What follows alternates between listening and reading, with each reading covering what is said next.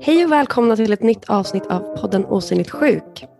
Eh, det här avsnittet är sponsrat av RFCF Stockholm och det kommer handla om relationen mellan Leonie och hennes två föräldrar och hur den har förändrats.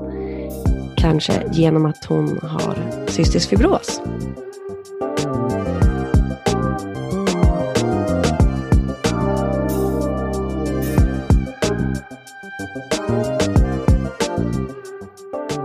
Så vi har Leonie, Elinor och Fredrik med oss idag.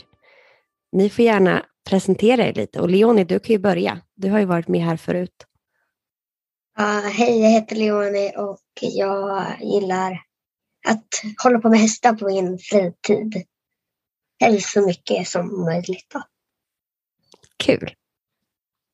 Jag heter Elinor och jag är mamma till Leonie. Så det är jag som ställer upp och skjutsar till och från stallet med hästaktiviteterna. Hej, vilket jag är pappa till Leonie. Eh, pälsdjurallergiker, så håller jag mig på hemmaplan då när de åker till stallet. En bra ursäkt. Ja. Jag vill börja fråga dig, eh, Leonie, om du tror att din relation med dina föräldrar är annorlunda mot hur dina kompisars relation med deras föräldrar är. Tror du att den är annorlunda? Alltså, det är väldigt svårt att säga. Många har väldigt bra relationer och många har väldigt lite sämre relationer med sina föräldrar. Men Mm. eh, alltså, det är svårt att säga om det är någon så här, direkt skillnad. Är det då att du tänker att de kanske inte är lika öppna med sina föräldrar, de som har en dålig relation? Eller är det? Ja, Tror du att det kan vara så för att eh, du har cystisk fibros, att ni har behövt vara öppna med varandra? ja, För det, det kan ju vara en ganska stor skillnad i alla fall, att man måste dela med sig mer. Och det kommer mer naturligt för att man har en sjukdom, kanske. ja. Det har du nog. Det kan jag tänka blir så med, ja men just med att ha en sjukdom och att ens föräldrar vet så mycket för att de är med på, på läkarbesök och sånt där. Mm. Men, men hjälper dina föräldrar mycket, hjälper de till mycket med CF? Alltså, mm, när det gäller så här kreon och så, då får de hjälpa mig lite. Men alltså, så här, jag börjar bli lite bättre. Men det är jätteskönt att, att kunna ha någon som kan hjälpa till lite ibland. Det är ganska mycket att tänka på själv annars. Hur gör du då i skolan? Jag har en, en vad säger man där? Typ en resurs i klassen som hjälper både mig och en annan kompis då. För hon har ja, en annan. Mm, vad bra. Eh, Vill du också säga bara hur gammal du är? Jag glömde fråga det. Jag är elva, Så då går man i, går man i fyran då? femman. Femman. Icke att förglömma. Men så du skulle säga att du gör mycket av din behandling själv, men du behöver hjälp med att komma ihåg kreon ibland och sånt där? Ja. För jag tycker ändå det är ganska intressant med just CF-behandlingen, för de, den, den är en väldigt stor del av sjukdomen. Så vill du berätta lite om, om hur en dag ser ut? Hur, hur mycket som du gör och vad dina föräldrar är med på och lite sånt där? Ja. Alltså så här, när jag kommer hem från skolan då brukar jag typ ta näringsdryck. Ibland. Det beror på om jag inte nyligen har fått min söndag i skolan. Men oftast är det lite tätt in på. Så då brukar det bli lite senare med det. Och sen brukar jag antingen käka mellis eller kolla på mobilen. Men jag ska bli bättre på att göra läxor först. Mm. det är bra. Okej, men, ja, men, men det är ju alltså, det, är, det låter ju ändå som att mycket av CF-rutinen handlar om att äta och få i sig näring. Ja. Men är det så också att din CF, är den mer, eh, har du mycket magproblem snarare än lungproblem? Ja, det har jag. Jag har haft mer problem med, med eh, min mage än med lungorna. Fattar, ja. Men tycker du att, tycker du att dina eh, föräldrar är kontrollerande? Ibland, men inte alltid. Jag vet att de också gör det bara för att de är rädda om mig. När du säger ibland, vad, vid vilka tillfällen? Svårt att beskriva liksom. Mm. Men det där är ju alltså att eh, det är alltid svårt att förhålla sig till att liksom man, man får, eh, att ens föräldrar gör saker av kärlek, men att det ändå blir, man kan ändå bli liksom irriterad eller tycka att det känns kontrollerande. Eller så Ja. kan i alla fall jag känna ibland. Fastän det är av välvilja och bara för att de bryr sig mycket. Och så. Vad, Elinor eller Fredrik, tycker ni att ni är kontrollerande? Ja, men det är man. Mm. Sjukdomen för med sig ett enormt kontrollbehov faktiskt. Eh, sen har väl jag redan utan eh, CFN så har jag nog ett, ett rätt stort kontrollbehov säger folk som känner mig. Eh, så ja, det har ju inte blivit mindre. Absolut inte. Utan men det är ju liksom ständiga frågor. Vad, har du ätit någonting till? Vad, vad fick du till lunch? Hur mycket åt du? Hur många Creon tog du? När fick du sondnäringen? Har du varit på toan? Ha, hur såg det ut? Alltså det är ju så här, det är många tillfällen man har fått förklara sig för, för andra föräldrar och för lärare och så där i skolan. Vi är inte fixerade utan vi, vi bara måste ha lite, för att ha kontroll på sjukdomen och veta. Ja, det, det kan ju lätt ur kontext bli så konstigt. Berätta nu hur ditt bajs ser ut. Eller... Men tycker ni att em, har det blivit mer, ju mer tiden går, har ni blivit mm, mindre kontrollerade, kontrollerande eller, eller mer? Jag, jag skulle vilja säga att eh, man försöker vara mindre kontrollerande men, men eh, då är det att i, man lägger över lite mer ansvar på Leonie. Och, och ja, det är väl svårt att släppa det ibland. Fall om hon tar de där kreonen som man sa eller morgontabletterna och där. Man, man vill ju att det ska funka så lätt men när vi har varit där och tjatat under hela hennes livstid nästan så, så så är det lätt för henne ibland kanske att glömma bort också och ta det ansvaret. Vilket är, det, det är svårt. Mm. Men så ja, lite mer, försöker bli mindre kontrollerande men jag tror inte vi är det. Jag tror vi är fortfarande lika mycket. Mm. Ja, men. Ja, så. så. Nej, men det är jättesvårt den övergångsperioden av att göra, göra allting själv och, och att å andra sidan att föräldrarna gör i princip allt. Ja, det, det, jag tror vi blir påminna rätt tidigt om det var på någon CF-träff att eh, köla inte bort barnen utan alltså verkligen lär dem hur viktigt det är. Ja, absolut sa man, men nej, man sitter i den där samma fälla i alla fall och måste påminna och sådär och sen verkligen ännu dubbelkolla. Men det tog verkligen de där nästan titta efter i skålen att det är taget. Mm, mm, Eh, Det är jättesvårt just nu när man, när man ska försöka släppa över ansvaret mer på, på Leoni i den här övergångsåldern, liksom från barn till ungdom. Och så kan det liksom ändra sig från den ena dagen till den andra. Egentligen. Du menar med behandlingen om, om det är så att Leonie då är, inte skulle göra sin behandling? Eller? Jag tänker mer eh, just eh, åldersmässigt. Ena, ena dagen så eh, är man, vill man vara ett barn och bara springa runt och leka och inte behöva ta något ansvar näst, överhuvudtaget. Och sen nästa sekund så, så ska man vara så vuxen som bara någonsin möjligt och sköta allting själv. Verkligen, alltså det, är, det blir väldigt mycket mer ansvar eh, om man har cystisk fibros än för ett, ett vanligt barn. Och alltså det blir väldigt mycket tydligare att man måste vara mer kanske noggrann och mer vuxen trots att man fortfarande är i ett barn, eller i en barnkropp i alla fall. Mm. Hur var det för er, Leon och Fredrik, när ni fick reda på att Leonie hade cystisk fibros?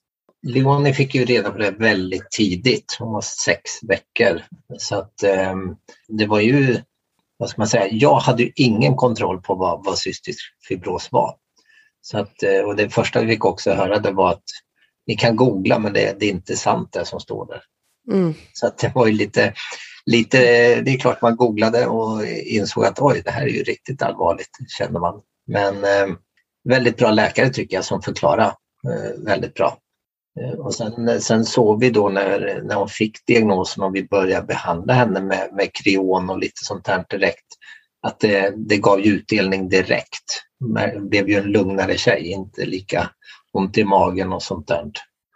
Ja, sen, sen har man ju fått växa in i rollen tycker jag. Det, jag vet i början så kom det till alltid någonting att ja, nu får man börja tänka på det eller ta den medicinen. Jaha, ja, men hon har ju så mycket medicin. Men sen kom nästa årskontroll eller någonting, då la man till något ytterligare. Man, man kan inte säga att man, man lär sig hela tiden som närstående också. Mm. Mm, ja, och för varje gång som man var på en årskontroll eller ett läkarbesök när hon var bebis och fick liksom ta nästa steg i behandlingen. Att men nu ska vi sätta in den här medicinen, nu ska vi börja med det här. Bla bla. Då var det lite grann som att få diagnosen om och om igen kände jag. Mm. Och det upplevde jag som jättejobbigt för då hade jag liksom precis landat i att ja, men hon, hon har en sjukdom och det är så här det kommer vara nu men det är lugnt, det här kommer vi fixa. Och så kom det liksom bara nya saker hela tiden. Och så bara, ja, så får ni tänka på det här. Och, så, och om det är varmt på sommaren och då måste man ge dem salt. Och jag tänkte, herregud, det tar liksom aldrig slut. Hur ska jag överhuvudtaget klara av att hantera allt det här? Ja, hur ska man begränsa? Ja, nej, men alltså det blir ju, det blir ju en vardag i det här med. För man har ju inget val. Nej, sjukdomen är ju där. Och alltså det kan ju verkligen vara både och, att det blir som en upptrappning av medicinering. För det kanske också blir en chock bara att få all information från början. Också är väl det också omöjligt eftersom CF kan te sig så olika för olika människor. Men, men det skulle ju kunna vara så att det är skönt att få lite i taget. Men det är ju inte riktigt så att det är lite i taget, utan det är mycket varje gång. Ja, men det är väl så nu efteråt, så när man, när liksom, eh, man har kommit in i så, så är det ju lite som du säger att eh, man kan nog inte ta emot allting på en gång och sen ändå sätter man in också lite i perioder då eller alltså i stötvis eh, behandlingar. Så att just då när man är inne i det, då, då tyckte man det var jobbigt och mycket när det kom sådär. Men sen när, nu efteråt så inser man ju att nej, men det, det har nog varit bra att det var så, tycker jag. Jo men absolut, så är det. Jag vet ju i början när, när vi hade fått diagnosen och läkaren kom och sa bara, man ska hon få den här medicinen och den ska hon ha si och så många gånger om dagen och i den här mängden och sen är det det här och så är det det här och så är det lite grann av det här och så var det liksom det ena skulle vara en gång om dagen och det andra skulle vara tre gånger om dagen och så var det någon grej som kanske skulle vara två gånger om dagen och det var en halv tablett där och där var det tre milliliter. Och vet, det bara gick runt huvudet på mig. Mm. Så då hade jag, jag hade skrivit upp liksom på en lista och det var som min bibel, den hade jag med mig överallt vart jag än skulle med Leonie när hon var bebis. Nu ska vi se här, har jag koll på alla mediciner och allting som behöver med. Mm. Men det där, alltså, det behövde jag ju ja, ett par, tre veckor kanske. Sen satt ju det där i, i ryggmärgen. Det kanske inte var så lång tid ens en gång. Man kom in i det väldigt, väldigt fort. Mm. Även om det kändes otroligt överväldigande just då. Ja, nej, jag, kan inte, jag kan inte tänka mig hur det, hur det skulle vara. För jag, jag har ju bara växt in i det. Alltså, jag har fått lära mig av behandlingen och bara gjort det som på automatik. Jag vet inte hur du känner Leonie, men, att, men alltså all den här informationen, den har ju... Det känns som att den har gått i arv, typ. Att det inte är jag som har fått den först.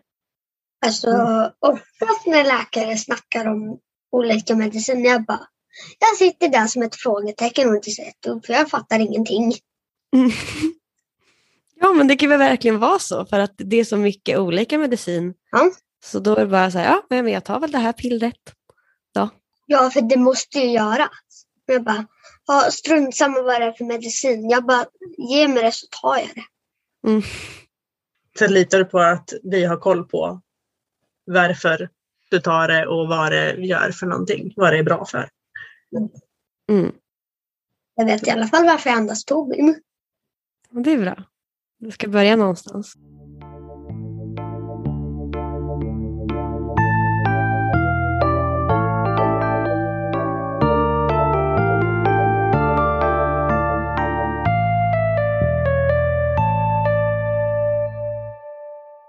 Känner du, Leonie, att du vill, vill veta mer? Är du intresserad av CF? Eller känns det bara så här, nej usch, jag vill inte ha med det att göra? Usch, jag vill inte ha med det att göra. Det är så jag känner. Det är jättejobbigt att höra. Ja, kan känna igen det. Just för de som känner igen sig, de vet ju oftast hur det är. Eller om, alltså vissa kanske har olika då, men vissa kanske känner igen sig i det. Mm. Men vissa har liksom bara växt in i rollen. Bara, Okej, det här är mitt liv nu. Så, bang, bang, bang, nu ska det här vara klart. Ja, och det tänker jag också som förälder att, att det kanske lätt blir så att man, ja men som du säger Elinor, att man lärde sig att du gick med det som en bibel, medicineringen bara. Jag måste bara lära mig det här för att, ja, det kommer vara så här nu. Typ. Ja, men, det är ju så det har varit att eh, Eh, det har ju hänt gånger man måste dubbelkolla med Elinor, liksom, var det så här eller var det så? Och sen, men sen sitter ju den rätt så snabbt faktiskt. Så att eh, jag tycker liksom att eh, för oss är det vardag. Sen när, när man är och hälsar på någon eller sådär och de ser när man gör ordning morgonmediciner och allting och sånt. De, de står ju som frågetecken och undrar hur kan du veta allting? Alltså, men det är som sagt, vi gör det ju varje dag. Så att, Mm ja, Leonie som äter all medicin och andas och gör alla övningar. Så att, eh, ja, det är en vardag. Ja, man kan ju verkligen vänja sig vid allt. Hur hemskt det än är så, så, så gör man det.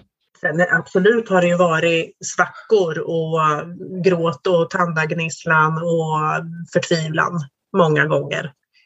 Mm. Och det tänker jag att det måste man få känna det också. Och bry, ja, liksom ta sig igenom. Man behöver inte tycka att det är jättekul och, och göra det med, med liksom, eh, liv och lust varenda gång man sitter och inhalerar. Så, alltså, man får tycka att, att livet är skit och orättvist och att det är eländigt. Och så kan man få gapa och skrika och svära en stund och sen så får man ta sig ur det. Mm. Man behöver inte tycka om sin sjukdom men man måste ändå vara kompis med den. Brukar jag säga till Leonie. Ja, det där är ju jätte, jättesant. Det är jättebra att särskilja som, som du säger, alltså sjukdomen från sig själv. Så att det inte blir som att man slår sig själv när man vill slå på sjukdomen. Men, men tyck, tycker du Leonie att du, du har utrymme att vara sur på CF?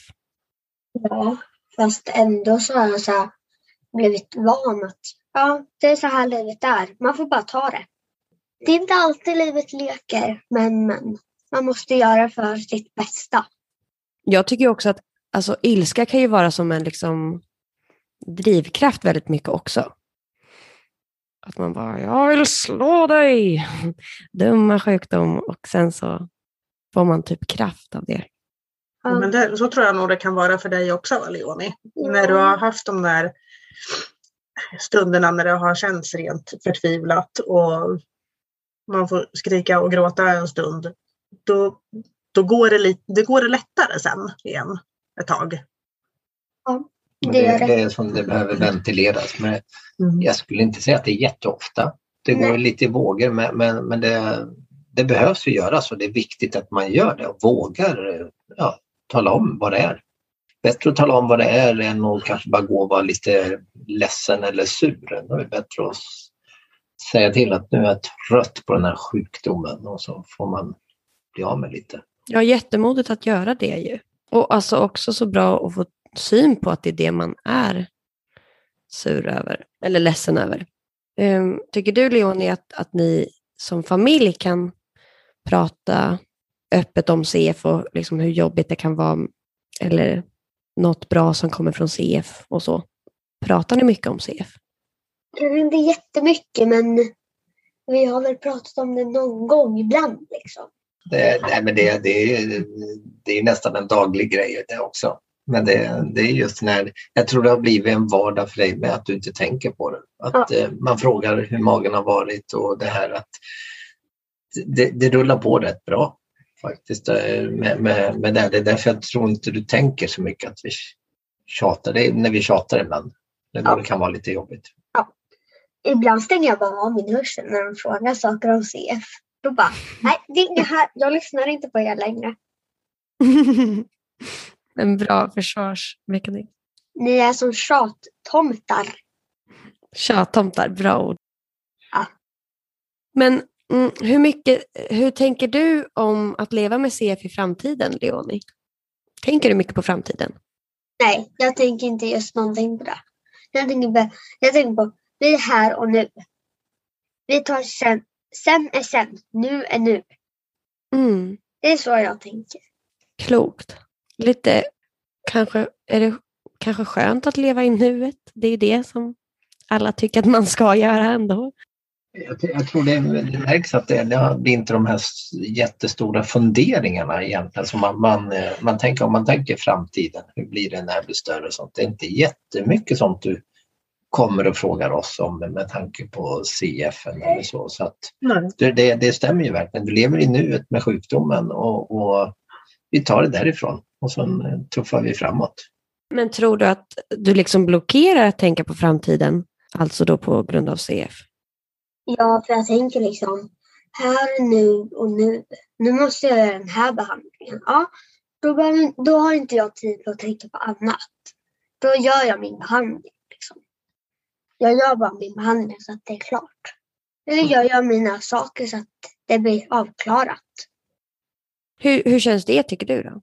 känns skönt. Man kan ju också tänka lite så här, i framtiden så kanske det finns lite mer mediciner som kan hjälpa till att CFN blir bättre för andra och alla som har CF. Då har de ju kunnat forska i många, många år. Då kanske man har hittat en bättre medicin än Kaftrio då. Eller någon annan. Och vad skönt med lite liksom framtidshopp. Och så att allt blir godkänt hela tiden som har med CF att göra. Allt kanske inte blir godkänt men förhoppningsvis blir allt godkänt. Ja, exakt. Det är förhoppningen. Det här, det här tycker jag ändå hänger ihop lite grann med att tänka på framtiden eller som i ditt fall då inte tänka på framtiden så mycket. Men hur har det varit för er föräldrar med oron över CF? Hur hanterar ni den och känner ni den? Kan börja med eh, Elinor kan svara först. Oron är väl mer eller mindre en eh, ständig kompanjon. Vissa perioder så eh, tar den lite överhand.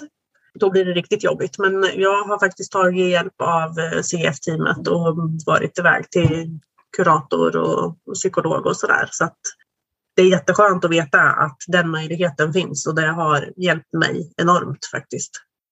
Sen går det, går det lite grann i vågor sådär. Eh, Men ja, jag har ju fått lite verktyg efter mina besök där då så att jag är bättre rustad att hantera det och inte låta det ta överhanden. För vilka, vilka perioder är det som du är mer orolig? Ja, men som till exempel nu när hon eh, har fått pseudomonas i lungorna och behandlar det. Jag har ju varit så enormt förskonade från allting sånt, så det här är ju liksom andra, andra behandlingen mot pseudomonas under hela hennes liv. Liksom. Mm. Första gången var för tre år sedan, så då blir ju det som ett eh, svart täcke över en. Och så fastnar man lite grann i den oron. Men då får man ta ett steg tillbaka och andas djupt och samla kraft. Och det kanske då dels ju när CF blir lite sämre, men också när ni förlorar kontrollen lite grann. Kanske det blir. Mm, ja, men precis. Kontrollen är ju jätteläskig att förlora. För den har man ju ändå haft liksom, i, i 11 år. Hela tiden mer eller mindre. Och sen händer det sådana här saker. Precis, man har varit liksom duktig och följt allt som ska följas.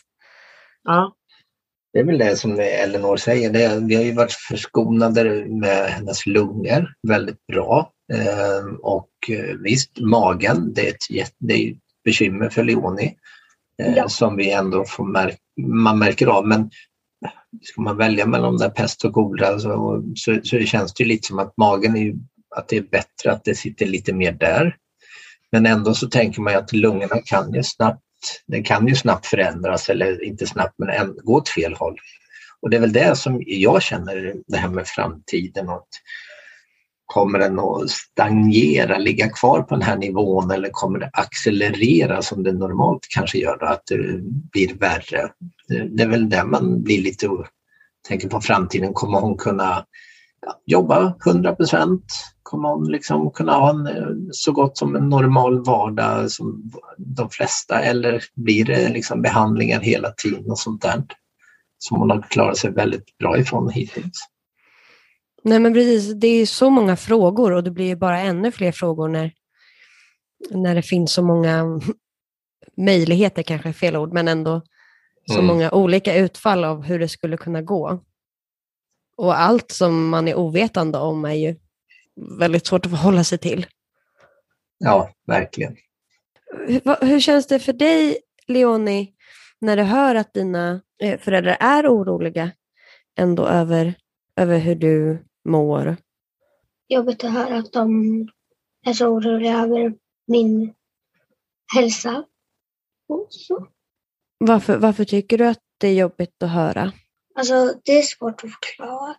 Men jag, alltså, det, jag tycker bara att det är tråkigt att höra att, att de tycker att, att de är... Alltså, jag tycker att det är bra att de är rädda om mig. Jag håller på att säga tvärtom istället. Mm. Men alltså, det är svårt att förklara varför jag tycker att det är tråkigt att höra. Alltså för det är ju väldigt förståeligt att du tycker att det är tråkigt att höra. För du vill ju inte att de ska... Nej, jag tycker inte att de ska behöva gå runt och oroa sig för mig.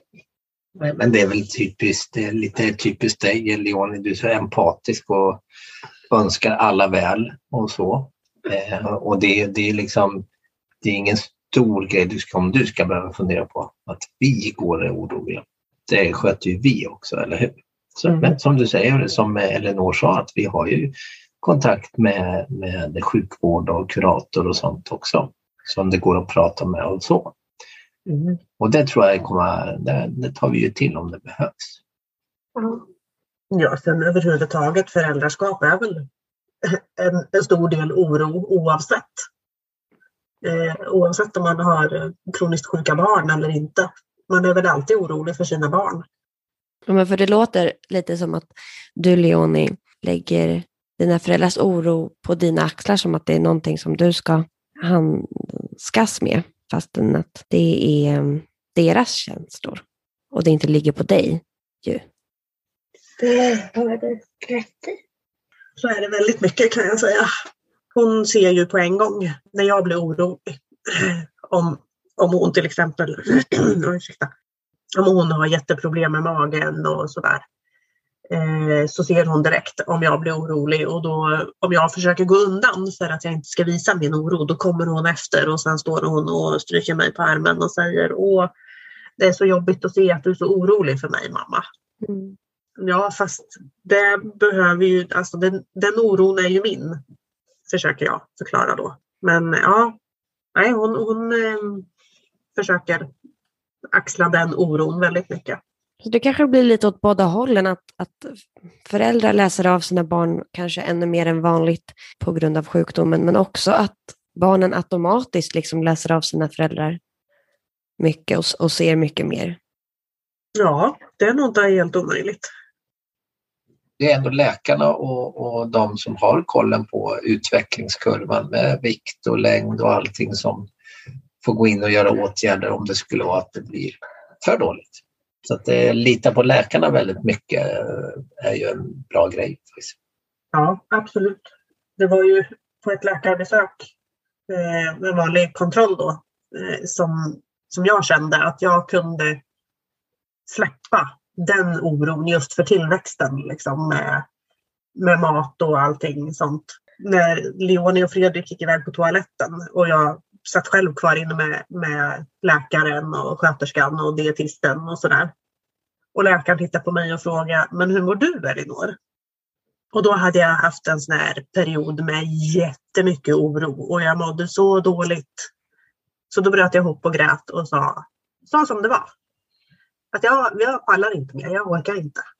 Det är oro hela tiden om mat och vikt. Och då tittade läkaren på mig och sa, men Elinor, det där är ju inte ditt jobb. Mm. Det där ska ju vi ta hand om, så det där kan du ju bara släppa. Det behöver inte du bekymra dig om. Du ska ju ge henne en god uppfostran och tak över huvudet och kläder på kroppen och de delarna, kärlek och sådär. Men det där andra, det är ju vårt jobb. Gud vad skönt att du säger det. Så då får du ta det här och nu. Jag släpper det direkt. För jag orkar inte mer. Så, Mm. Så det var vändpunkten faktiskt. Mm. Ja, men det, det märktes. Det, det vart en vändpunkt och ja, det speglade väl av sig även på mig då, tror jag. Så att det, det, ja, det, var, det var en vettig ventilation där som behövdes ut. Mm. Och läkaren som ändå kände och såg det på dig. Ja, jo men absolut. Ja, så himla värdefullt att få höra det från liksom CF-teamen att men vad då? ni ska inte ta hand om sjukdomen utan vi är också experter. Ja, Mm. Ni ska upprätthålla det men, men eh, vi, vi ska ha kollen. Och nej, men Ja. det, det, det, det är ju det man lär sig också med, med tiden så att säga. För man kan ju känna i början med medicinering och, och all jumpa, träning och allting att det, först i början tycker man att det läggs över väldigt mycket på, på föräldrarna fast det, det gör ju inte det egentligen. Alltså de har ju koll och man, hade vi inte gjort det här då hade man ju fått varit inne på sjukhus betydligt oftare också. Så att det, det är, nej, väldigt tacksam för svenska sjukvården just nu. Mm. mm, ja det har man ju varit hela, hela tiden. Mm. Sedan dag ett. Så är det ju. Ja, men en balans, att både att man själv ska ta väldigt mycket ansvar för sjukdomen, men också att, eh, att komma ihåg att man inte ska ta allt ansvar för att man är inte läkare och dietist och eh, kurator och sjukgymnast och allt vad det nu är som behövs för sjukdomen.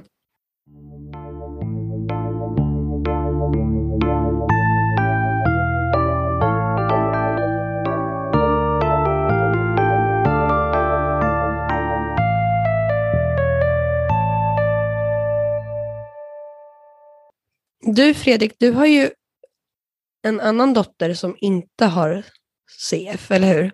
Stämmer bra. En, en äldre dotter som är 28 år. Jag var ju relativt ung när jag fick henne.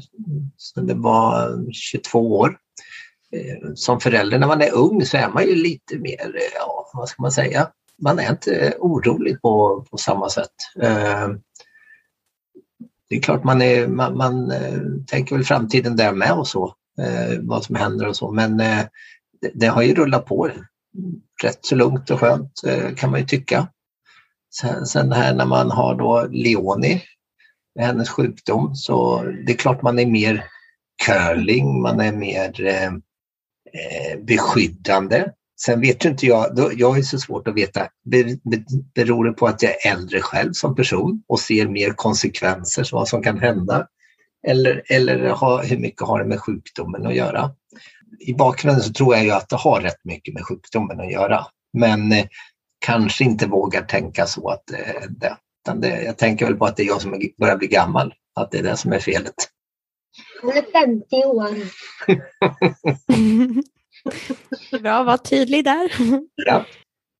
Ja, precis. För, för det skulle ju också kunna vara så att när man blir em, äldre att man blir mer lugn med att det blir som det blir och det blir bra. Alltså, jag vet inte.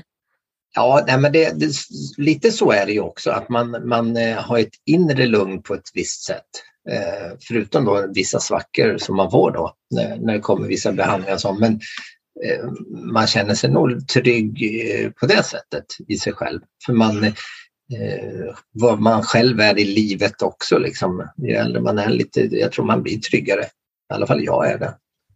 Men på det stora hela låter det ändå som att det har varit en del skillnad mellan att ha Leonie och att ha din andra dotter.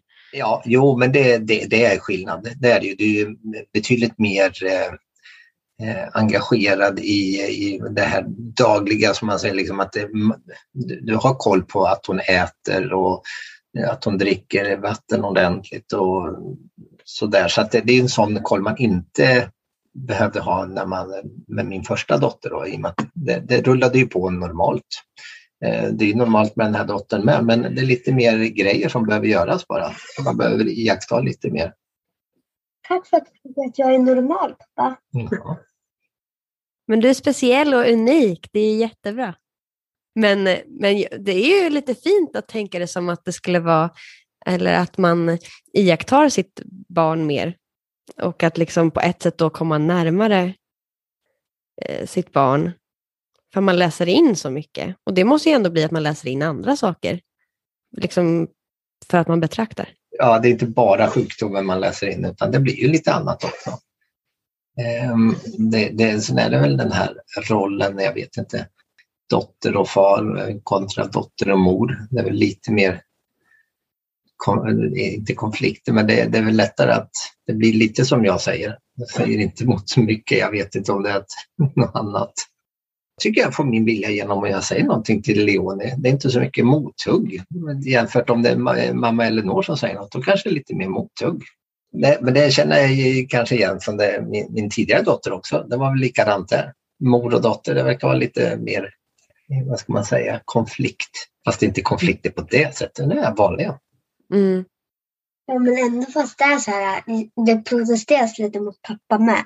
Men jag är ändå lite mer kär mamma. Ja, det är du. Jag, jag gillar fortfarande min älskade far. Fast mamma är lite bättre en tajt relation mellan mor och dotter här. Mm. Mm. Vad fint ändå.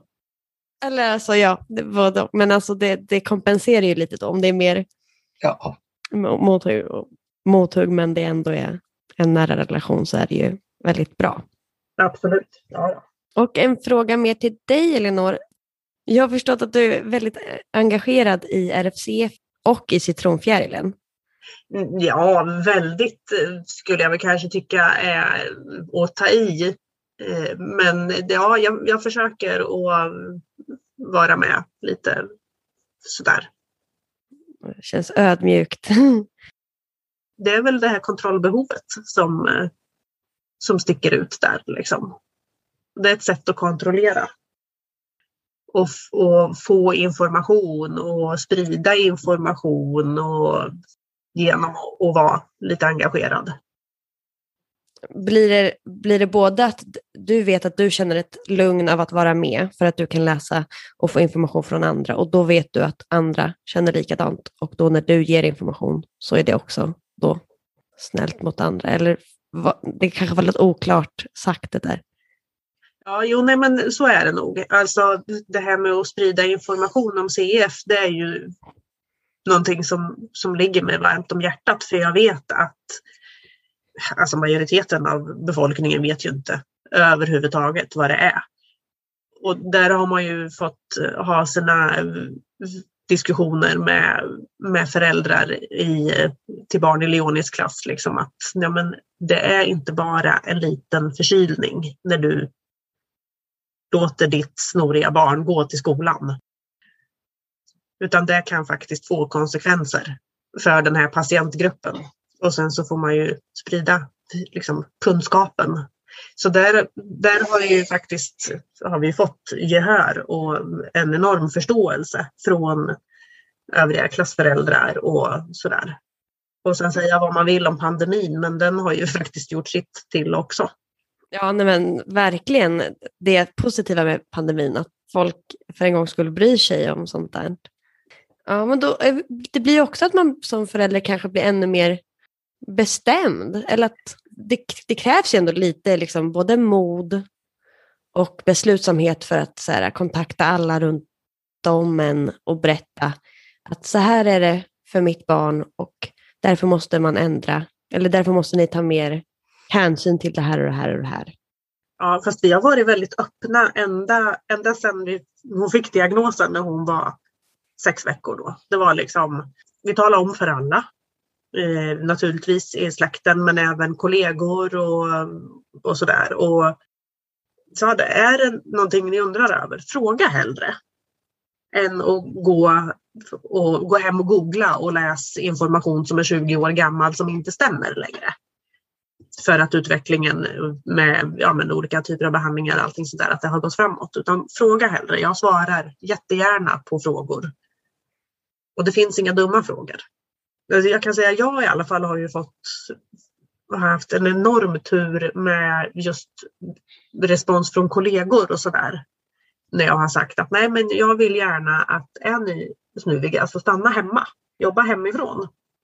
För jag vill inte ha med mig de där bakterierna hem till min dotter, för det, det påverkar alldeles för mycket. Och det är liksom inte värt 14 dagar vabb för att du inte kunde hålla det hemma två dagar. Nej, precis. Så där, där har jag ju haft väldigt mycket faktiskt stöd från, från både kollegor och från arbetsgivare och sådär. Bara att du vågade liksom säga till om det gör ju att folk kan förhålla sig till det. Och då är det ju jättebra att de har ja, men då stannat hemma. Ja, men precis. Jag tror till och med det var någon, vid något tillfälle jag sa till min chef, det var nu i början på pandemin, innan man började jobba hemifrån, var det någon kollega som, som satt och var lite snuvig på kontoret. Vi satt inte ens på samma kontor. Men jag gick in till chefen och sa att antingen skickar jag hem honom eller så går jag hem. Så då gick han in och pratade med den där kollegan och han, han fick åka hem. Mm. Men det var liksom inte något så här, oj förlåt, det tänkte jag nog inte ens på. Jag, jag, det är nog bara pollen. Ja, kanske, men vi vet ju inte, så jag. Men det får liksom konsekvenser i mitt liv. Om det inte är pollensnuvar du har. Så... Känns riktigt lejonmamma. Ja, lite sådär. Mm. Ja, men det är bra. Har ni något mer nu som ni tycker vi ska ta upp, som jag glömt? Eh, men det, det, är väl lite så här, under, jag kan bara dra kortfattat, eh, när vi började gå på de här läns-CF-träffarna så de, de andra föräldrarna hade ju liksom varit med där i 10-11 år ungefär. Mm. Och de, de tyckte de hörde samma sak hela tiden från läkarna att jo, jo, det kommer, det kommer. Men vi har ju under de här 11 åren verkligen sett att det har hänt otroligt mycket i forskningen. Så, att, eh, så man kan ju säga att det, det, det händer ju väldigt mycket just nu. Det har väl kommit de sista tre åren väldigt mycket. Jo, när det började väl med, med den här Kailedeko-medicinen. Men det var ju, kändes ju som att efter det så har, har det ju lossnat enormt mycket i forskningen. Så det var väl liksom den, den pusselbiten som behövdes för efter det så har vi fått både ja, Simkevi och Orkambi och vi väntar på Kaftrio och håller tummarna att den blir tillgänglig snart. Ja, och det var lite tråkigt att, att jag inte kunde ta Orkambi då. För min lever mådde ju verkligen typ inte alls bra av den. Okej. Okay. Alltså jag kände ju skillnad på min mage då när jag väl tog den. Jag kände ju skillnad att det var mindre magknip och så. Så det var bara lite tråkigt att den inte funkar. Men levervärdena gick ner? Ja. Så det låter som att ni tycker att det har varit bra att, att ni har sett att det har kommit liksom ny medicin och att det har forskats mycket på CF och att det ändå är en ganska snabb utveckling av mediciner för CF, men att det också är jobbigt eh, när den medicin som finns tillgänglig inte riktigt fungerar för dig, Leonie. Just den här Orkambi, men sen vet man inte. Ja, precis. För det låter ju ändå väldigt hoppfullt att höra att det har hänt så mycket på de elva åren som du, Leonie, har varit här på jorden. Mm. Mm. Jo men det är det. Det, det är som man säger, visst då Kambing kom och någon fick den, man eh, vart ju jätteglad och som du säger det, det gav resultat men tyvärr så var det levern som tog stryk då, som, som man inte ser. Eh, men vi såg ju på henne hur viktkurvan gick uppåt rätt snabbt. Eh, så, så nu får man ju hoppas då att Kaftreon kommer och att det inte påverkar levern och att vi får tillgång till den. Ja, Kaftrio ska bli tillgängligt nu. Det det är ta mig tusan på tiden. Vi kanske ska avrunda där. Mm. Då vill jag i sådana fall tacka så väldigt mycket för att ni alla tre har varit med och ställt upp. Och jag märker att det är mycket som jag eh, inte har tänkt på för länge med, med CF och, och föräldraskap och, och just den här övergångsperioden. Från barn till vuxen och ansvar och allting. Så det var liksom väldigt kul för mig att få bli påmind om, om allt. Kul och också, ja, men in, intressant kanske man ska säga. Mm. Så tack så jättemycket. Tack själv. Tack själva för att vi fick vara med i det här avsnittet. Ja, men ha det så bra. Detsamma, detsamma. detsamma.